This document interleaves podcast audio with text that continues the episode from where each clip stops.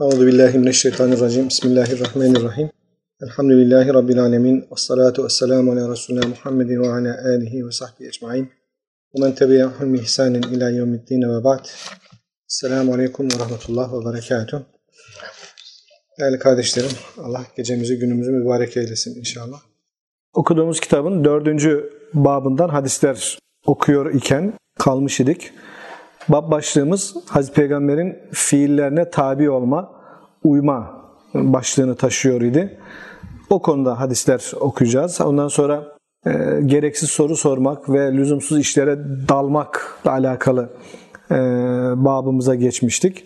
E, bu konularda da hadisler okuduk e, birkaç tane. Şimdi kaldığımız yerden devam edeceğiz. Kale haddetena Ömer ibn Hafs, kale haddetena Ebi, kale haddetena El-Ameş, kale haddetena Müslim an Mesruk, Kale, kalet Ayşe radıyallahu anha, sana nebiyyü sallallahu aleyhi ve sellem şeyen terakhasa fihi ve tenezzehe anhu kavmun. فبلغ ذلك النبي sallallahu aleyhi ve sellem fehamidallaha thumme kale. Hazreti Ayşe annemizin rivayet ettiği bu hadis onun e, değerli öğrencilerinden, tabi'in alimlerinin önde gelenlerinden birisi olan Mesruk'tan rivayet edilmiş. E, Mesruk daha önce de ismi geçmişse söylemişimdir e, kelime manası çalınmış demek. E, sirkattan geliyor. Evet, e, ismi meful kalıbında. E, bebekken çalmışlar. Sonra bulunmuş. E, adı oradan kalmış. Çalınmış bebek anlamında isim. Hani bizde de satılmış, durmuş gibi isimler olduğu gibi Arapçada da böyle mesela Lakit ismi vardır Araplarda. O da buluntu bebek demek. Hani cami kapısında, karakolda falan bulunan bebekler oluyor ya. O da lakit demek mesela. Adı öyle olan isimler vardır böyle. Vakadan hareketle. Şimdikiler işte Umut diye bir isim koyuyor mesela. Araplar buna buluntu anlamına gelen e, lakit ismini verebiliyorlar. Mesruk'un da öyle bir geçmişi var. Hazreti Ayşe annemizin çok sevdiği, değer verdiği bir öğrencisi. Demiş ki Hazreti Ayşe annemiz, Hazreti Peygamber bir şey yaptı ki onun öyle yapılmasına da ruhsat verdi. Yani hem ruhsat veriyor siz de yapın hem de kendisi bil fiil yapmış. Ancak ve tenezzehe anhu kavmun. Bazı insanlar buna rağmen o işi yapmaktan çekindiler, uzak durdular. Febelege zelken nebiyye sallallahu aleyhi ve sellem bu durum Hazreti Peygamber'in kulağına ulaşınca hamidallah fe hamidallah'e hani bir konuşma yapmak için e, cami mescitte e, hutbe irad etti. Allah hamdü senada bulundu. Thumme kal sonra buyurdu ki ma balu akvamin yetenezzehune an şeyin esnahu bazı insanlara ne oluyor da benim yaptığım bir şeyden uzak duruyorlar. Birilerine ne oluyor da benim yaptığım, yapılmasına da ruhsat verdiğim, izin verdiğim bir şeyden uzak duruyorlar, çekiniyorlar. Fevallahi inni alemuhum billahi ve eşedduhum lehu. Allah'a yemin ederim ki onların Allah'ı en çok bilenleri ve ona karşı en çok haşyet taşıyanları yani Allah'tan en çok korkanları benim. Buna rağmen ben yapmışım, yapılmasına da izin vermişim. Ama birileri yok biz onu yapmayız diye uzak duruyorlar. Şimdi babımızda Hazreti Peygamber'in fiillerine tabi olmak vardı. Dolayısıyla Hazreti Peygamber'in yapmış olması, onun yapılmasının sonuna kadar caiz olduğunun en büyük delili olması gerekiyor. Ama böyle Peygamberimizden daha fazla e, Müslüman olma düşüncesi taşıyan bazı insanlar, hayır o peygamber olsa da biz onu yapmayız gibisinden bir tavır sergilemişler ve bu Hazreti Peygamber'in hiç hoşuna gitmiyor. Birilerine de ne oluyor e, çıkışı? Hazreti Peygamber'in nezaketinin bir ifadesi. Aslında kimlerin böyle yaptığı biliniyordur. Yani ya Resulallah siz böyle dediniz ama falan da filan e, bunu yapmaktan çekindiler demişlerdir ona. Ama önemli olan kimle kişilerin e, faş edilmesi değil, yanlışın düzeltilmesidir. O yüzden Hazreti Peygamber cemaate konuştuğu zaman sen niye böyle yapıyorsun demek yerine birilerine ne oluyor da şöyle şöyle yapıyorlar diyerek o yanlış davranışa direkt işaret ediyor. Tabi cemaatin içerisinde onu yapan yahut işte buradaki gibi yapmayan, Hazreti Peygamber'in yaptığını yapmayan insanlar var. Onlar biliyorlar lafın kime e, söylendiğini. Fakat ötekilerin içerisinde hem rencide olmamış oluyorlar hem de o işi yapmanın e, yahut Hazreti Peygamber'in yaptığını yapmamanın yanlış olduğunu herkesle beraber onlar da öğrenmiş oluyorlar. Şimdi e, bu konuda her, aslında daha çok meşhur bir hadisimiz var bizim. Birçok kere okumuşuzdur. Hani üç kişi Hazreti Peygamber'in eşlerinden birinin evine geliyorlar. Peygamberimizin ibadet hayatını soruyorlar. Onlar da söylüyorlar. Fakat gelen sahabiler bunu az buluyorlar. Diyorlar ki o peygamber olduğu için böyle yapıyor. Bizim hani onun geçmiş gelecek bütün günahları bağışlandı. E bizimse çok daha fazlasını yapmamız lazım. Ki ancak kurtarırız, kurtarırız kendimizi. Bunun üzerine işte birisi diyor ki ben bütün geceleri ibadetle namaz kılarak geçireceğim. Öteki diyor ki ben her gün oruç tutacağım ömrüm boyunca. Üçüncüsü de diyor ki ben hiç evlenmeyeceğim. Böyle inziva hayatı yaşayacağım, ibadetle meşgul olacağım. Bu durum Hazreti Peygamber'in kulağına erişince onları çağırıyor. Böyle böyle diyenler siz misiniz? Allah'tan en çok takvalı olanınız, Allah'tan en çok sakınanınız ve ona en çok haşiyet duyanınız benim. Bununla ben beraber ben geceleri uyuyorum da namaz da kılıyorum. Bazen oruç tutuyorum, bazen tutmuyorum ve kadınlarla da evliyim. Kim benim sünnetimden yüz çevirirse benden değildir diye hadisini tamamlamıştı. Şu halde Hazreti Peygamber'den daha öte bir Müslümanlık yaşayacakmış gibi bir halet içerisine girmek son derece anlamsızdır, gereksizdir. Hatta saçma bir şeydir. Yani mümkün mü? Peygamberimizden daha ötesini yapabilme imkanı var mı ki? Bunun olmayacağı açıktır. Bununla beraber Hazreti Peygamber dinin kolay olduğunu söylüyor. Kimse onunla boy ölçüşemez diyor. Siz bıkmadıkça Allah bıkmaz diyor. Gücünüzün yettiğini yapın diyor. Yani kolaylaştırıcı tarafını hep ön plana çıkarıyor. İnsanlar kendi kendilerine bazı şeyleri zorlaştırıyorlar. Hani Hristiyanlıkta ruhbanlık diye bir şey icat ettiler. Allah onlardan böyle bir şey istememişti. Onu da hakkıyla yerine getiremedikleri için Allah tarafından gene azarlanmışlardı, kınanmışlardı. O yüzden dinde Hazreti Peygamber'in örnekliğini taşacak, geçecek, onu geride bırakacak bir arayış içerisinde olmak son derece anlamsız bir şeydir. Yeter ki onun yaptığının na yaklaşmış olalım. Hani geçmeyi bir tarafa bırakalım. Onun yaptığına kendimizi yaklaştırmış olsak bile en güzel şey yapmış olabiliriz. Peygamberimiz bu işi yapabilirsiniz demişse kendisi de yapmış zaten. O halde bunda bir sakınca yoktur. Hala o sakıncalıdır. Ya peygamber izin verdi ama biz gene de yapmayalım. Daha çok sevap kazanırız. Demiş olmanın bir anlamı olmayacaktır. Bu işler böyle yapıldığı takdirde gitgide içinden çıkılmaz durumlar ortaya çıkacaktır. Ötekisi onu yapmayacak, berikisi bunu yapmayacak. Hakikaten böyle bir ruhbanlık hayatı gibi başka bir hayat ortaya çıkabilecektir. Hazreti Peygamber hani bunun daha baştan önüne geçmek için bu uyarıyı ciddi bir şekilde yapıyor. Yani benden daha takvalı, benden daha çok Allah'ı bilen, ondan daha çok korkan mı var aranızda? Dolayısıyla ben yapıyorsam sizin yapmanızın önünde hiçbir engel yoktur buyurmuşlar. Hazreti Peygamber'in yaptığına uymak ve gereksiz e, zorlaştırmalardan, gereksiz e, derinleşmelerden uzak durmak lazım. Aşırılık değil mi? Helekel mutanatti'un, helekel mutanatti'un, helekel mutanatti'un diye üç defa söylemişti. E, aşırı gidenler helak oldular. Aşırı gidenler. Orada hani ne konuda aşırı gidenleri de söylemiyor Peygamber Efendimiz. Mutlak demektir. Her konuda aşırılık iyi değildir. Orta yol, dengeli yol, ifratla tefrit arasındaki o güzel şeyi ümmeten vasatan, dengeli ümmet, orta yol ümmeti olmayı başarmak gerekiyor. قال حدثنا محمد بن المقاتل قال أخبرنا وكي عن نافع بن عمر عن ابن أبي مليكة قال كاد الخيران أن يهلك أبو بكر وعمر İbn Ebi Müleyke tabiundan bir alim diyor ki insanların en hayırlılarından olan Ebu Bekir ile Ömer neredeyse helak olacaklardı. İnsanların en hayırlıları olan Ebu Bekir ile Ömer neredeyse helak olacaklardı. Hani öyle bir şey yaptılar ki helak olmaya çok yaklaştılar. Nedir bu durum? Lemma kadime ale nebiyyi sallallahu aleyhi ve sellem vefdu beni temim Temim oğullarının heyeti Hazreti Peygamber'in yanına geldiklerinde Eşar ahaduhuma bil Akra ibn Habis et-Temimi. Bu kabilenin başına reis olarak Akra bin Habis'in geçirilmesini teklif etti. Ya Hazreti Ebu Bekir ya Hazreti Ömer. ikisinden biri. Hangisi hangisi olduğunu çok söylemiyorlar. Ahi beni Mücaşi. Bu Mücaşi oğullarının hani kardeş kabilesi olan e, Temimilerin başına Akra bin Habis'in geçirilmesini teklif etti. Ve eşara la haru bi gayrihi. Öteki ise Hazreti Ebu Bekir ile Hazreti Ömer'den diğeri ise bir başkasını teklif etti. O kabilenin başına falanca geçsin diye. O ikinci kişinin adı da Kaka İbni Mabet imiş. Şimdi diyelim ki Hazreti Ebu Bekir Akra'nın reis olmasını istiyor. Hazreti Peygamber tarafından atanmasını. E, Hazreti Ömer de Kaka'nın e, Kaka İbni Mabet'in e, reis olmasını istemiş oluyor. Fekal Ebu Bekir li Ömer. Bunun üzerine Hazreti Ebu Bekir Hazreti Ömer'e dedi ki İnnemâ eratte hilafi. Sen böyle yaparak sadece bana muhalefet etmek istedin. Hani ben akra olsun dedim ya.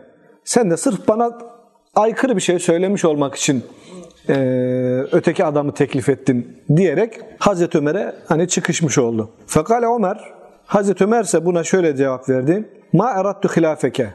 Hayır ben sana muhalefet etmek istemedim. O kişinin daha uygun olduğunu düşündüğüm için bunu teklif ettim. Yoksa hani senin sözün üzerine söz söylemek gibi amacım yoktu. Fertefaat esvatuhuma inden nebi sallallahu aleyhi ve sellem.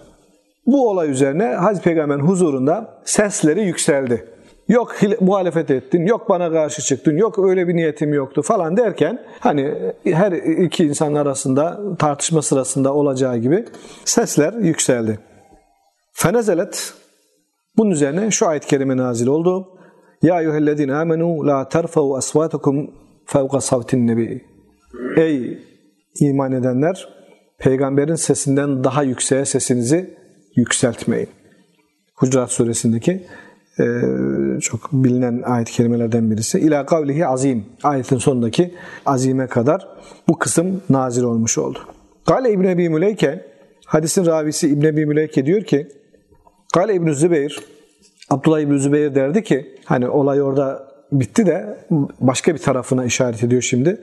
Abdullah İbn Zübeyir derdi ki Fekâne Ömer ba'du İzâ haddesen nebiyye sallallahu aleyhi ve sellem bi hadisin haddesehu ke ehis sirar. Bu olaydan sonra, bu ayetin nüzulünden sonra Hazreti Ömer peygambere bir şey söyleyeceği zaman ehis sırar, sır arkadaşı gibi söylerdi. Sırrın kardeşi gibi söylerdi. Yani e, bir sır veriyormuşçasına, başkası sakın duymasın dercesine gizli gizli söylerdi. O kadar ki lem yusmihu Hazreti Peygamber bazen duyamazdı da hatta yestefimehu ne dedin ne dedin diye Hazreti Peygamber tekrar sormak ihtiyacı hissederdi. Peygamberin huzurunda sesinizi yükseltmeyin ayetinden sonra Hazreti Ömer o kadar alçak sesle peygamberimize konuşmaya başlamış ki zaman zaman Hazreti Peygamber ne dediğini duymadığı için açıklamasını istermiş. Ya sesini yükselt biraz tam anlayamadım dermiş. Yani Hazreti Ömer'in ayete ne kadar riayet ettiğini, ne kadar uyduğunu ifade etmek için Abdullah bin Zübeyir e, sonradan bu bilgiyi bize nakletmiş. Evet Hazreti Peygamber'in huzurunda tabi e, saygısızlık etmemek, sesleri yükseltmemek gerekiyor. Bu olaydan sonra ayet nazil olunca gür sesli bir sahabi gelmez olmuş mescide. Hazreti Peygamber ya nerede bu adam her zaman gelirdi diyorlar. Sonra çağırıyor. Neredesin diye sorduğunda ya Resulallah ayet nazil oldu ya amellerimin boşa gideceğinden korkuyorum diyor. Benim sesimi biliyorsunuz hani normal konuşuyorum ama gür çıkıyor. Sizin sesinizden yüksek çıkar da amellerim boşa gider diye korkuyorum diyor. Hazreti Peygamber ona diyor ki bu senin gibiler için değil. Yani doğal olarak sesi gür olanlar için değil. İşte böyle peygamberin sesini bastırmak, e, onun sözünden öte söz söylemek isteyen insanlar için, hükmüne karşı çıkanlar için falandır diye onu teskin ediyor ve yani hakikaten öyle gür sesli insanlar konuşunca bangır bangır öttürebiliyorlar e, bulundukları ortamları. Sahabilerin bu hassasiyetleri bizim için önemli. Yani o tabi halini bile bir gerekçe olarak, bahane olarak görmüyor Belki benim de bu sebeple amellerim boşa gider diye neme lazım diyor. Yani peygamberin yanına gitmeyeyim de sesim onun sesinden fazla çıkmış olmasın. Bu ayet-i kerimenin günümüzdeki bize dönük tarafı ne olabilir? Yani peygamberin yanında sesinizi yükseltmeyin. Bugün peygamberimiz yok. İstediğimiz gibi bağırabilir miyiz? Aslında zannediyorum ki sünnete bağlılık noktasında bu ayet-i kerimeyi biz gene delil olarak kullanabiliriz. Hazreti Peygamber'in bir şey söylediği yerde öte bir söz söylemeyeceksiniz. Yani çünkü peygamber böyle şey söylemez falan deyip onun sesinden yüksek bir ses çıkarırsanız amellerimiz boşa gider. Hocalardan da yüksek ses çıkartmamak gibi yorumlanabilir mi? Yok, o kadar abartmayalım. Yani yerine göre yerine göre bir edep, bir saygı elbette ki gerekir ama Hazreti Peygamber'in statüsü bu açıdan hocalara geçmez yani. Amelleri boşa gidecek bir şey olmaz orada. Bir saygısızlık kabul edilir, edepsizlik kabul edilir ama o başka bir şey. Peygamberimizin durumu burada tamamen ayrı. Ama hani sünnette var olan bir şeyi reddedip, e, sahih sünnette var olan bir şeyi kabul etmeyip, olmaz öyle şey demek de peygamberin sesinden öte sesi yükseltmek anlamına gelir, gelebilir. Allah muhafaza sonucu bizim için hiç de iyi olmayabilir. Ama pe- orada Hz. Ebu Bekir ve Hz. Ömer e, yani amacı peygamberimizin sesini bastırmak gibi Değil yok tabii. Ama bu bile uyarıya muhtaç oluyor yani. Yani Yani Hazreti Peygamber'e muhalefet değil, kendi aralarındaki tartışmadan dolayı. Ama Hazreti Peygamber orada bu sefer şey kalmış oluyor. Hani arada kalmış gibi oluyor, kenarda kalmış gibi oluyor. Allah buna bile razı gelmiyor yani. Peygamberin yanında öyle yüksek sesle konuşulmaz. Kaldı ki o Hucurat suresinin biliyorsunuz e, adını veren ayet-i kerime de bu bedeviler geliyorlar. Hazreti Peygamber evinde istirahat ediyor. Ee, belki öğle vaktinde sıcakta. Adamlar kapıdan bağırıyorlar. Ey Muhammed dışarı çık falan gibisinden. Bunun üzerine onlar sen çıkıncaya kadar dışarıda bekleselerdi kendileri için daha hayırlı olurdu. Peygamberin sesinden e, yanında seslerinizi yükseltmeyin falan diye o ayetler. Hucurat suresi e, muhteşem bir adab-ı muaşeret suresidir. Yani toplumsal ilişkilerimizde edep, güzel ahlak örneği nasıl olacaksa e, Hucurat suresinin güzel okunması, güzel anlaşılması gerekiyor ki birçok açıdan kişiler arası, insanlar arası ilişkileri düzenleyen tarafları var. Gıybet orada geçiyor. E, milliyetçilik var mı yok mu onunla ilgili ayetler orada geçiyor. E, zandan kaçınma yani suizan vesaire gibi konular oradan geçiyor. Tecessüs, e, insanlara lakap takmak, isim takmak, alay etmek, orada geçiyor. Fasık birisi haber getirdiği zaman hemen güvenmeyip araştırmak gerektiği orada geçiyor. İki Müslüman topluluk birbiriyle savaşacak olursa ne yapmamız gerektiği orada geçiyor. Yani Hucurat Suresi Hazreti Peygamberle olan ilişkimiz, irtibatımızla Müslümanlar arası ilişkilerimizin nasıl olması gerektiğini topluca ifade eden hakikaten böyle özel bir sure.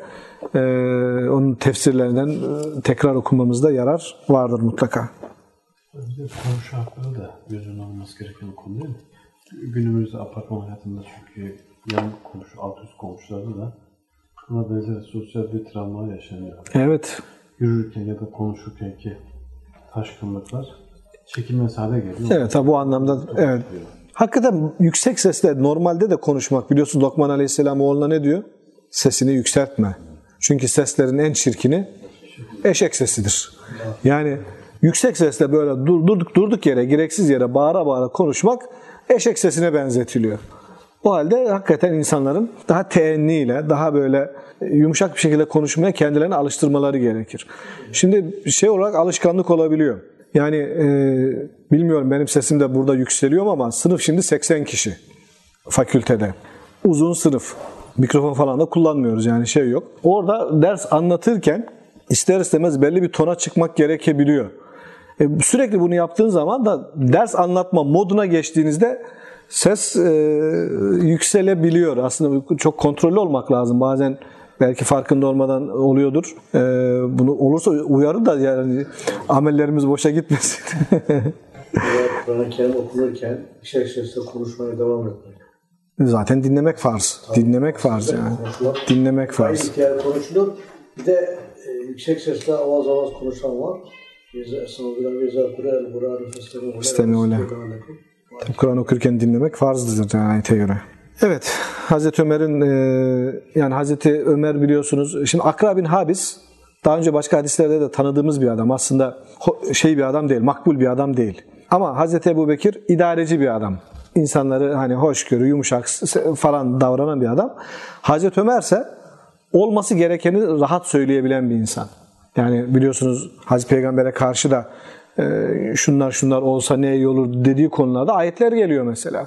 Bu kadar böyle kurumsallaşma noktasında yani din adına ç- olduğu gibi söyleyen bir şey- tarafı var. Dobra bir insan, e, harbi bir insan diyelim ki. Hazreti Ebu Bekir Akra bin Habis'i tercih ederken o zaten kavminin reisiydi. Gene devam etsin, e, idare eder falan filan gibi söylüyor. Ama Akra makbul bir adam değil. Başka bir hadisten biz biliyoruz yani Hazreti Peygamber bu ne kötü bir adam falan demişti onun hakkında yani. Ee, Hazreti Ömer ise ya bak ne güzel o kabileden KK bin Mabet var. El ayağı düzgün bir adam. Onu reis yapalım diye. Olması gereken bir şeyi teklif ediyor. Ama işte sen bana muhalefet edecektin. Şöyleydi böyleydi. Hani insanlar her zaman insandır. Bunu hiç unutmamamız lazım. Bir insandan her türlü tepkiyi her zaman bekleyebilirsiniz. Dolayısıyla bu beklemekten dolayı da olduğunda hiç şaşırmamak lazım. Yani evet kimine göre yüzde 90 olan bir ihtimal, kimine göre yüzde 10'dur. Ama asla sıfır olmaz. Ben ondan böyle bir şey beklemem. Niye? Peygamber mi? Değil. O zaman bekleyeceksin. Peki abi bu olay onların ilişkilerini Yok bozmuyor. Yani orada herhalde Hazreti Peygamber'in arayı bulması falan söz konusudur olaydan sonra. Şimdi biz hadislerde tabii e, olayları böyle kesit olarak alıyoruz. Şimdi merak ediyoruz acaba sonra ne oldu? Küstüler mi, darıldılar mı? Değil de istişare söz konusu. E, şey yapıyorum. Hayır orada Hazreti Ebu Bekir'in belki bir alınganlığı olmuş olabilir. Ama muhtemelen mesele hallolmuştur yani. yani, yani bize e, bir ışık tutması açısından. Çünkü hemen hemen hepimizin gün boyu içinde, Tabii. içinde çok yakın arkadaşlarımızla falan yaşadığımız olaylar yani. Bu. Yani ister istemez bir kırgınlık falan Ya işte meseleyi kişiselleştirmeden hani konu odaklı tartışılıyorsa evet benim dediğim olmamış olabilir ama neticede biz bu fikri tartışma yapıyorsak sorun orada bırakılmalı. Ama iş yani e, kişiselleştirildiği zaman e, hakikaten çok ciddi problemler çıkabiliyor. Hocam fırçayı yedi hiçbir şey diyemezler. Evet. Kamusal iş olur. Kamusal işle ilgili tartışma. Tabii şahsi bir şeyleri değil yani orada. Evet. Kale haddetena İsmail, kale haddeteni Malik an Hişam ibn Urve an Nebihi an Ayşe ummul müminin enne Resulullah sallallahu aleyhi ve sellem kale fi maradihi Hazreti Ayşe annemizin anlattığına göre Peygamber Efendimiz sallallahu aleyhi ve sellem vefat hastalığı sırasında dedi ki Muru Ebu Bekir'in yusalli bin nas.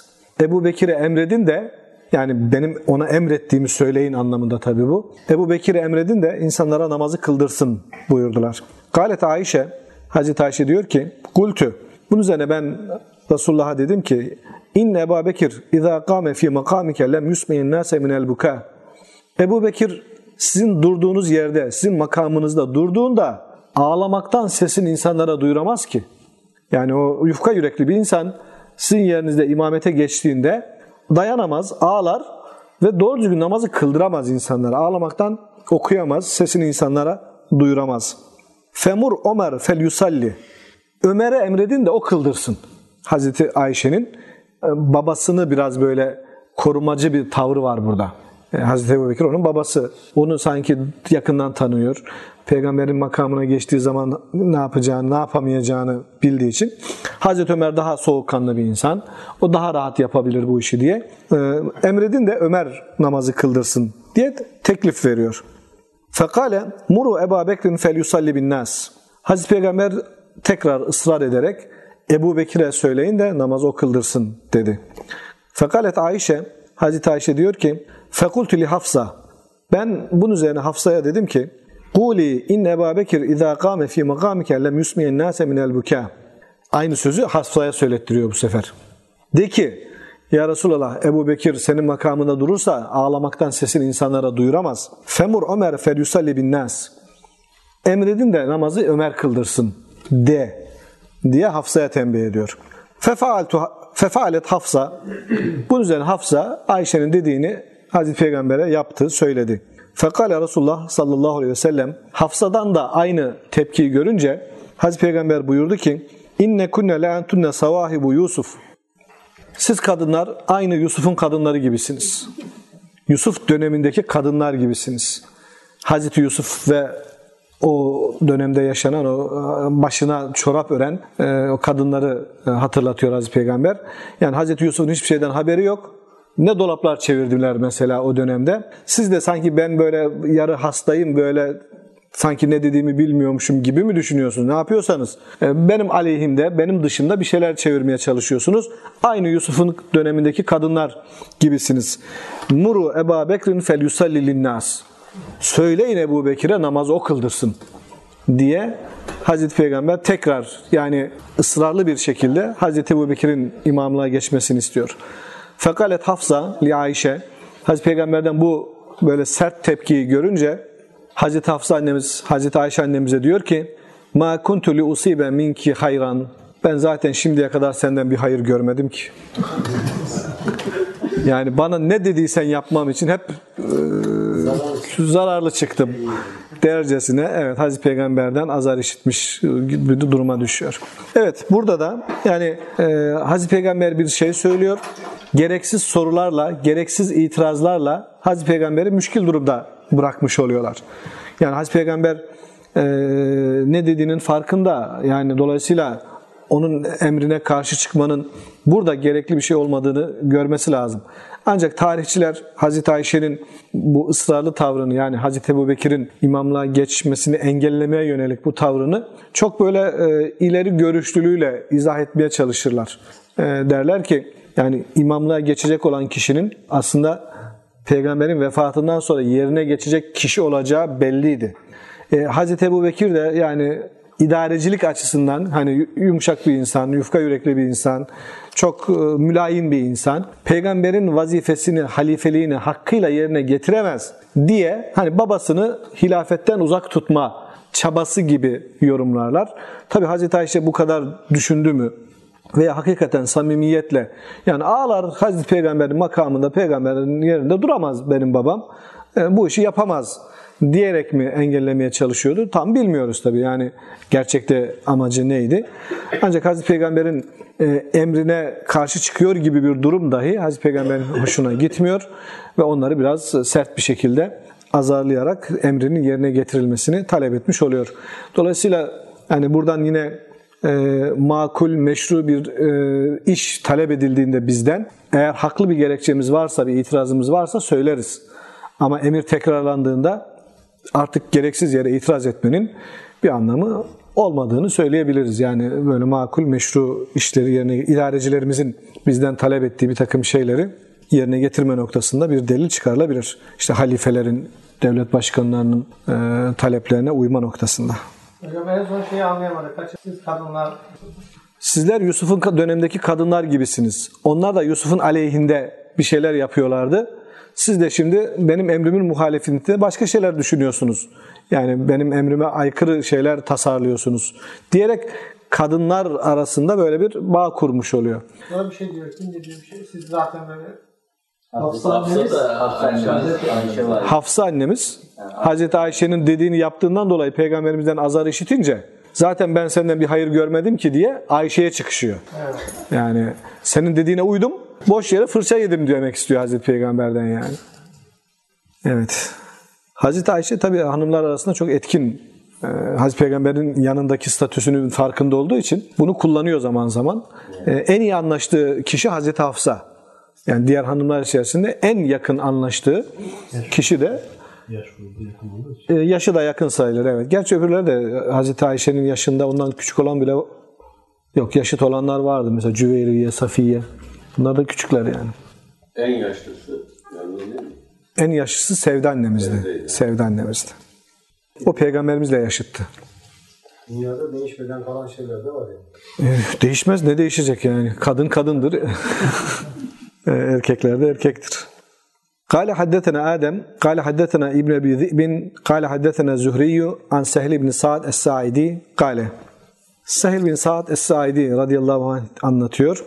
Diyor ki Ca Uveymir el-Aclani ila Asım ibn Adi fekale.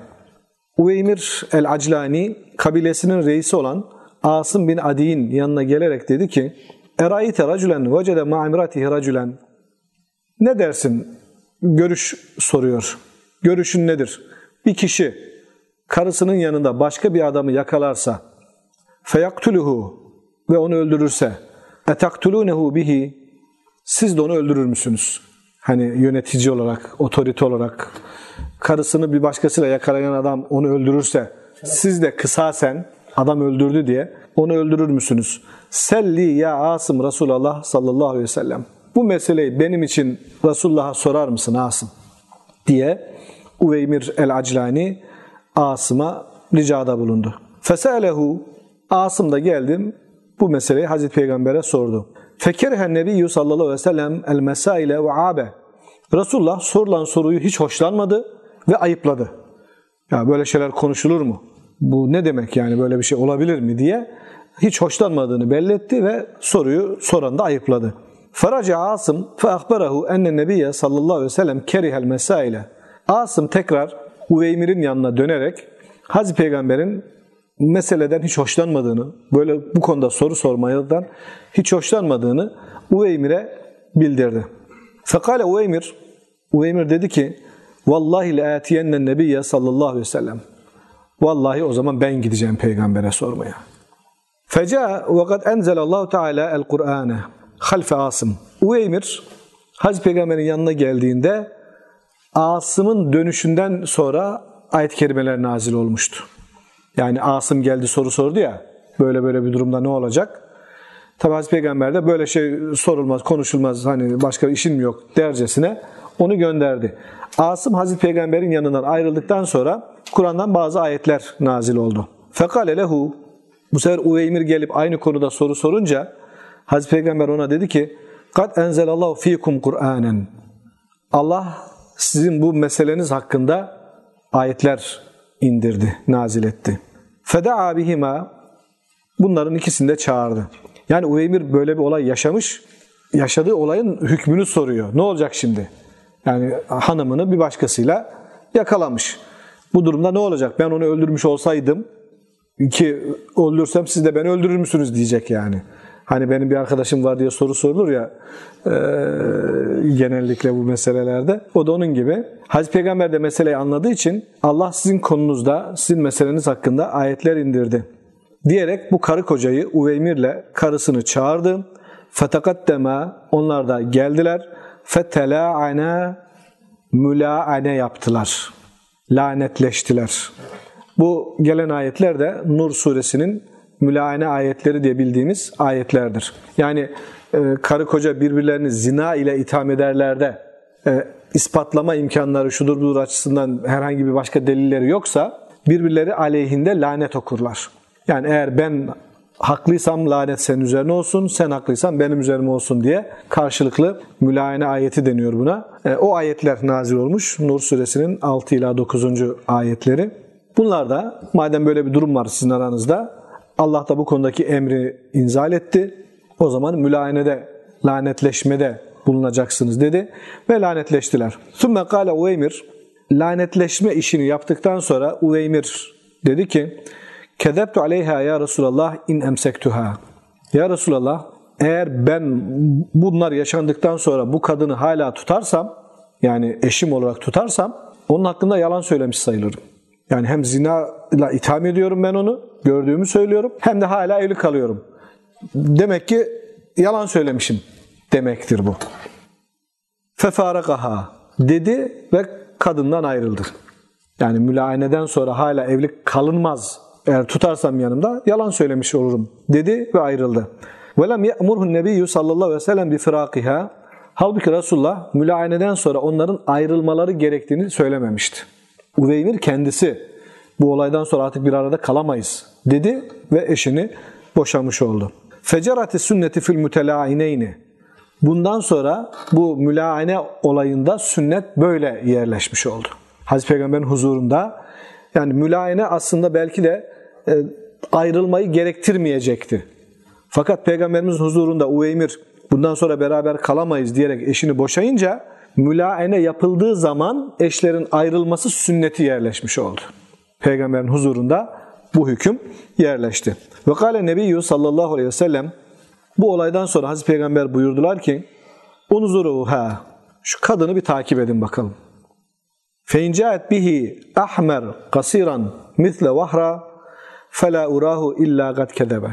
Eğer bu kadın kırmızı yüzlü, kısa boylu, böyle vahre gibi bir bebek dünyaya getirirse vahre e, bir çeşit e, kızıl kertenkele gibi bir şeymiş. Yani neyini benzeterek söylediğini tam aslında bilmiyoruz. Yani Hazreti Peygamber doğacak bebeği böyle kırmızı yüzü, kızıl bir kurtçuk falan gibi şey yapıyorlar, e, tarif ediyorlar. Vahrenin kelimesi öyle. Böyle kısa boylu, kırmızı yüzlü bir bebek dünyaya getirirse fela urahu illa kad kedebe. Ben Uveymir'in yalan söylediğini görürüm. Yani o zaman bebek işte annesine babasına benzeyecek demektir. Ve Uveymir yalan söyledi demektir. Çocuk kendisinin olacaktır. Ve in caet bihi esham a'yen zel ezda elyeteyni yok eğer bu kadın böyle esmer, çıkık gözlü, patlak gözlü mü denir?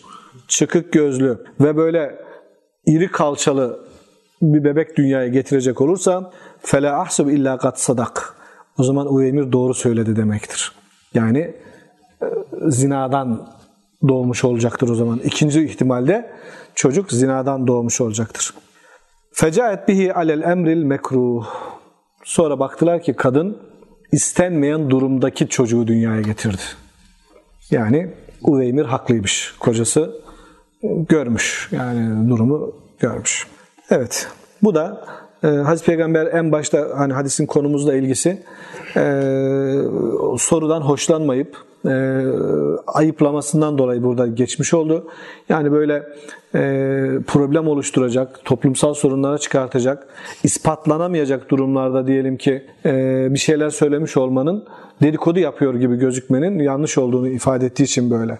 Şimdi adam gözlere görmüş olsa bile şey değil. Yani zinanın tespiti tek kişinin görmesiyle e, yeterli değil. Ya kişi itiraf edecek, böyle oldu diye takrir edecek, o zaman olacak. Ya da dört şahit gerekecek. Hani başka bir hadiste öyle söylüyor ya, e, ya Resulallah hani birimiz böyle bir şey yakalayacak olsa gidip üç şahit daha mı bulması gerekiyor? E, evet. E, o zamana kadar adam işini bitirir gider. Olabilir diyor. Yani suçun tespiti için gereken şeyler oluşmadıkça ceza uygulanamıyor. İspat edemediğin zaman da sen ne yapmış oluyorsun? Kazif e, de bulunmuş oluyorsun. Bu mülaane, lanetleşme ise şimdi kocası diyor ki zina etti, öteki diyor ki hayır hani inkar ediyor. Mülaane yapıldığı zaman suçun var olduğunu söyleyen kişiden kazifin cezası kalkar. Kadından da diyelim ki buradaki duruma göre e, rejim cezası kalkmış olur. Mülayenenin böyle bir hukuki sonucu var. Eşler ayrılırlar ama herhangi bir ceza söz konusu olmaz. Çünkü tam olarak ispatlanmış bir durum söz konusu değildir. Ancak mülayene e, eşlerin ayrılığıyla sonuçlanmak durumundadır. Hocam Araplar ama taşlıyorlar böyle.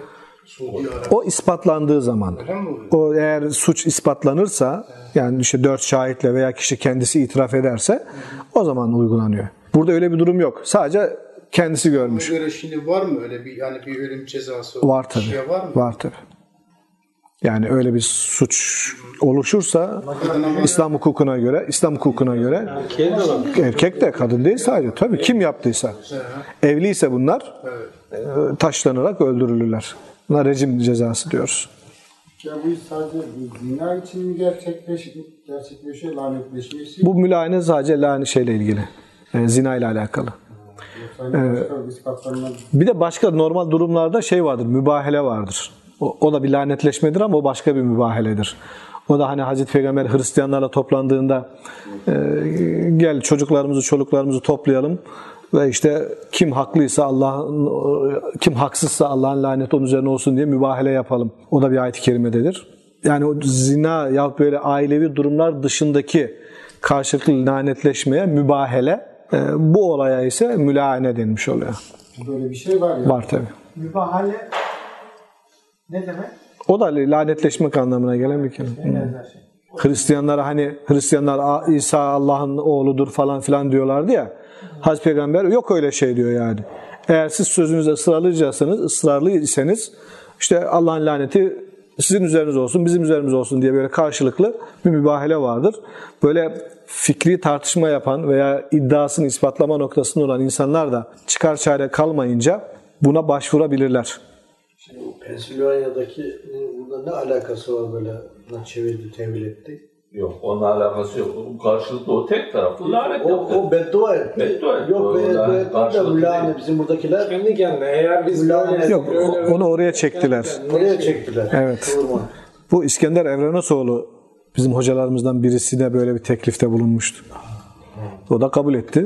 Geldiler ama yapmadan gittiler. Fakülteye geldiler yani. Yapamadılar yani. Tabii biz biz biz de or- biz de orada bulunduk yani. Tamam gelin yapalım dedik yani. Hocamızla beraber. Biz de hocamızla beraber ama adamlar yapamadan gittiler yani. Ama Resulullah'ım diyor. Hı? Ben Resulullah'ım diyor. İşte o peygamber biz biz değildik yani. Buna rağmen yapamadılar. Evet. E, tabii kadın sonradan doğum yaptığında zina yaptığı tespit olduğu kesinleşti ama yine de e, ceza diye bir şey söz konusu değil. Yani artık o? Öyle deriz belki şimdi yani. Ama Hazreti Peygamber'in aslında tespitine göre zina yaptığı ortaya çıkmış oldu ama aa sen zina yapmışsın bak buradan anlaşıldı falan deyip tekrar şey yapılmıyor. Ceza yok yani. Ceza kalkıyor diye. İşte kalkmış oldu ceza. yani. Aslında günümüzde ışık tutması açısından hüküm olarak uygulanabilir. Şimdi e, Peygamber Efendimiz sallallahu aleyhi ve sellem aslında biliyor bu olayı ve işaret ediyor. Günümüzde bilinebilir mesela. Böyle bir olay oldu. Çocuk doğdu. Ya tabii genetik olarak bu ispatlanır. Tabii, tabii. Çocuk kime ait? Bellidir yani. Olsa bile ama işte hukuken cezası yok yani. İşte- Zina ile alakalı bir tarafı yok. Olarak bugün de aynı şekilde şey yapılabilir, lanetleşilir. E, Ayrılır eşler. Ayrılır. Herkes yoluna gider. Yani. herkes yoluna gider. Evet. Peki rejim ya da halk cezalarında şey o uygulandıktan sonra o kişinin günahı halk cezası Evet. Evet. E, hadlerde e, İslam hukukuna göre eğer yaptığı suçun cezasını çekmişse dünyada artık ahirette aynı suçtan dolayı ceza görmeyecektir. O suçun cezası sorulacak. O sorulmayacak. O yüzden sahabiler mesela iki tane sahabi peygamberimiz zamanında itiraf ederek e, kendilerinin recmedilmesini talep etmişlerdir. Yani mesele ne? Ahirete bu suçla gitmemek. Hazreti Peygamber diyor ya e, öyle bir tövbe etti ki 70 Medineli Müslümana yeterdi diyor yani. Canını veriyorsun yani tövbe için canını veriyorsun. Daha ne olsun yani. De kolay. Kötü tabii o kadar zor bir şekilde. Ama diyelim ki bu cezayı çekmemiş, ispatlanamamış, bir şey olmamış, bu cezayı çekmemiş. Hazreti Peygamber diyor ki Allah dilerse affeder, dilerse ahirette cezasını verir. Kaçmaya çalışıyor ama yakalıyorlar. Orada da keşke bıraksaydınız diyor Hazreti Peygamber. Adam Yani o kadar da kovalamasaydınız diyor. Maizi taş, taşları yiyince e, kaçmaya başladı doğal olarak. Hocam bir sorun daha var. Bu Araplar şimdi Suudi Arabistan'da e, dışarıdan bayan alıyorlar da kendileri bayan vermiyorlar. Bunun aslı var mı yani? Yani Suudili bir bayan herhangi mesela Türk bir vatandaşından efendime söyleyeyim diğer başka bir Arap vatandaşından evlenemiyormuş yani. Dinen bir yasak yok. Yani yok, değil mi? dinen bir yasak yok. Müslüman olduktan sonra Türktür, Pakistanlıdır, bir başkasıdır önemli değil. Gayrimüslimlerle evlenip evlenmeme açısından şeyler vardır, hukuki meseleler vardır. Mesela e, bir Müslüman erkek ehli kitap olan yani ya Yahudi ya Hristiyan olacak. Bunlardan bir kadınla evlenebilir. Ama Yahudi veya Hristiyan bir erkek Müslüman bir kadınla evlenemez. Yani Müslümanlar kızlarını Yahudi veya Hristiyanlara veremezler. Yahudi ve Hristiyanlar dışındaki dinlere ait olanlara zaten erkek kadın hiçbir şekilde bir evlilik kurulamaz. Yani bugün bir Müslüman erkek de gidip Budist bir kadınla evlenemez yani. Veya işte Şintoist veya işte Hint Hindu. Evlenirse onu Müslümanlığa teşvik ederse Müslüman Müslüman olduktan sonra evlenebilir. işte bir- öyle olabilir. Müslüman olduktan sonra evlenebilir. Hocam, O haliyle kaldığı zaman evlilik akdi gerçekleşmez. Yahudiler de evlenmiyor. Kız vermiyor. Bir şey öğrenci götürdük bu hahamlar biriyle konuştuk. Kesinlikle Yahudi bir, yani gerçek dindar bir Yahudi. Yok vermiyorlar vermiyorlar ayrı da bizim dinimize göre yani bir Müslüman erkek Yahudi bir kadınla evlenebilir. Yahudi kalarak evlenebilir yani. Müslüman olma şartı yok. Evet. Velhamdülillahi Rabbil Alemin.